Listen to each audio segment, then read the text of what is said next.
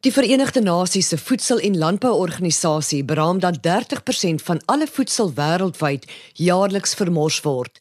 Dit dra by tot 8% van die totale kweekhuisgasvrystellings wat natuurlik 'n hoofoorsaak van klimaatsverandering is. In Suid-Afrika is voedselpryse met suiker, graan en suiwel aan die voorpunt die hoogste sedert 2014. Steeds beland massaskos in die vullesdrom. Suid-Afrika het in 2011 alleen 108 miljoen ton afval gehad, waarvan 98 miljoen op stortingsterreine beland het. Een van die grootste sonnebokke wanneer dit by kweekhuisgasse kom. Hulle noem haar die go-to person wanneer dit by afvalverwante kwessies kom.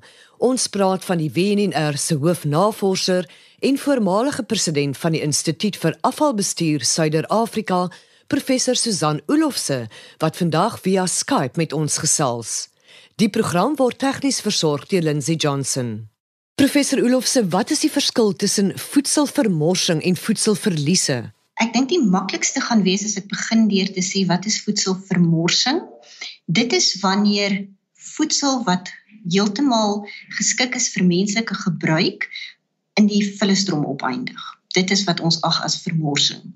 Voedselverliese is voedsel wat geproduseer word vir menslike gebruik, maar dan tydens die waardeketting ehm um, vir een of ander rede vermors word en nie by die verbruiker uitkom nie. En dit kan dan insluit goed soos natuurlike ehm um, rampe soos haal en so aan wat die hoeveelheid 'n produk wat geoes kan word verminder.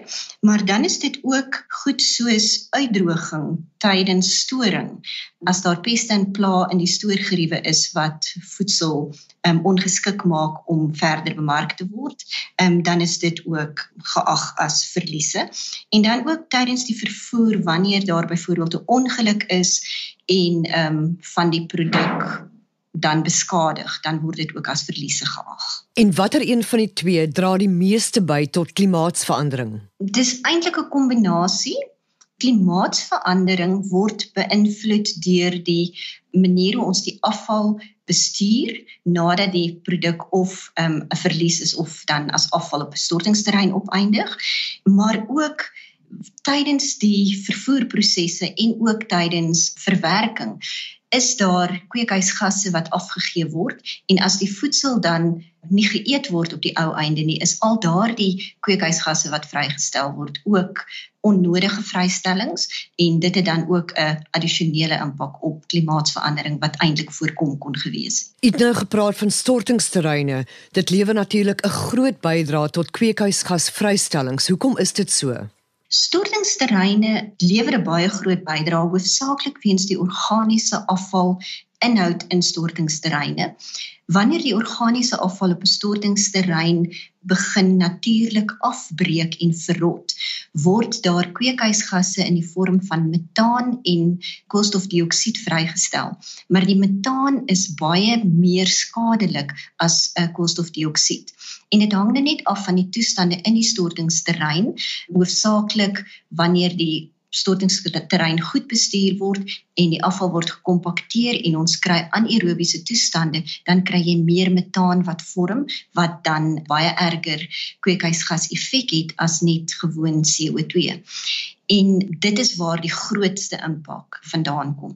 En dan moet ek ook noem dat tydens die afbraakproses is daar dan ook loog wat ontstaan wat 'n vloeistofvorm is waarin ander besoedelstowwe dan ook opgelos kan word en dit het dan weer 'n impak op die omgewing as die storterrein nie 'n behoorlike belyner het nie. Gaan stortingsterreine 'n versadigingspunt bereik? Dit wil sê gaan daar oor 50 jaar van nou af nog plek wees om afval te stort? Ons is reeds in Suid-Afrika besig om in meeste van die groot munisipaliteite uitstortterreinspasie uit te hardloop. Die stortterreine word eenvoudig vol en om nuwe terreine te vestig is 'n bietjie problematies aangesien ons dan moet kyk na nuwe terreine wat gevind moet word, persele wat gekoop moet word en dan begin ons meeding met ander ontwikkelingsaspekte in stedelike gebiede wat natuurlik dan 'n probleem is. So alhoewel ons graag wil wegbeweeg van stortterreine in totaal, dink ek nie dit gaan ooit heeltemal moontlik wees nie, want dit maak nie saak watter ander alternatief ons in plek stel om vullis mee te bestuur nie. Daar is maar altyd 'n klein komponent wat nog steeds weggedoen moet word. Selfs as jy dit verbrand, is daar nog steeds as wat na storterrein toe moet gaan.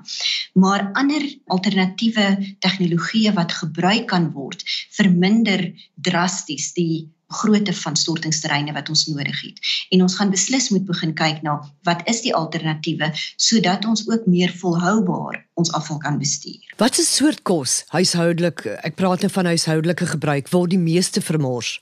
Navorsing wat ons gedoen het wys dat dit hoofsaaklik jou meer bederfbare produkte is, soos jou groente en vrugte. Veral die blaargroentes is nogal hoog op die lys en dan ongelukkig ons ehm um, Suid-Afrikaanse huishoudings mors nogal baie brood en rys en pap en dan is daar natuurlik ook 'n redelike vermorsing van suiwelprodukte wanneer die verkoopdatum bereik word. Dink jy ons moet 'n kop skuif maak en anders oor kos begin dink dat dit 'n veel meer waardevolle kommoditeit of noodsaaklikheid is, maar ook 'n bedreiging as dit nie reg geproduseer, versprei en gebruik word nie? Absoluut. Die moderne samelewing is gewoond daaraan dat goed wat in oormaat beskikbaar is baie maklik net in die asblik gegooi kan word en ons dink nie twee keer uh, voordat ons 'n tamatie wat 'n bietjie gekneus is in die asblik gooi byvoorbeeld nie terwyl daar 'n groot hoeveelheid mense in Suid-Afrika is wat nie genoeg kos het om te eet nie. Die vinger word dikwels en waarskynlik verkeerdelik na die landbousektor gewys as een van die groot sonnebokke wanneer dit by vermorsing kom. Glo u die sektor doen wel sy deel om vermorsing tot 'n minimum te beperk? Ja en nee.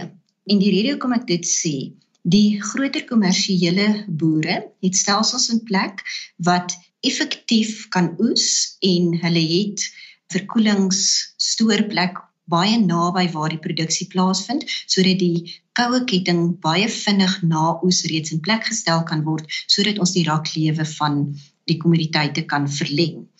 Kleiner boere het nie noodwendig dieselfde toegang tot tegnologie en tot die nuutste metodes om effektief te oes nie en dit is dan ook waar daar 'n redelike vermorsing plaasvind veral as die kommoditeite redelik ver vervoer moet word voor dit by 'n koue stoor kom. Maar boonbehalwe dit sit ons ongelukkig ook met 'n situasie dat ons regering klein boere bevorder en aanmoedig en in die proses kry ons dat daar nie baie goeie koördinering is van watter kommoditeite geplant word nie. Een klein boer sal plant wat sy buurman plant omdat hy sien dit groei en dit werk in die omgewing en dit het op die einde 'n sneeubal effek dat ons dan oor aanbod van sekere produkte op die mark te kry. En tomaties is 'n baie goeie voorbeeld.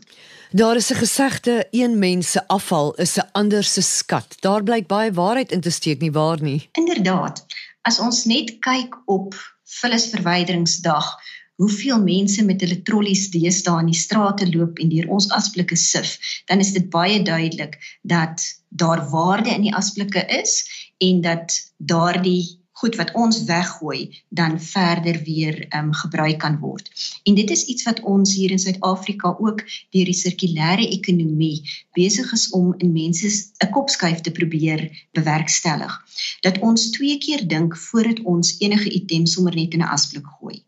Skei die afval eerder by die huis sodat dit wat herwin kan word terug kan gaan in die waardeketting sodat ons nie weer nuwe metale hoef te gaan myn nie, maar eerder die metale uit elektroniese afval kan herwin en dit dan terugploeg in die ekonomie. En op so 'n manier kry ons 'n baie meer volhoubare samelewing en ons versterk ook die ekonomie omdat ons nie waardevolle items op 'n stortterrein begrawe nie. Dit was professor Susan Olofse. Haar boodskap is duidelik dat die vermindering van voedselverliese en vermorsing voedselsekuriteit onder groot dele van die bevolking kan help verseker. Ons het gehoor hoe elkeen van ons ons deel kan doen, nie net om te verhoed dat daardie toksiese stortingsterreine oorloop nie, maar ook dat ons afval iemand anders se maag kan volmaak. Soos moeder Teresa gesê het, as jy nie 100 mense kan voed nie, voed net een.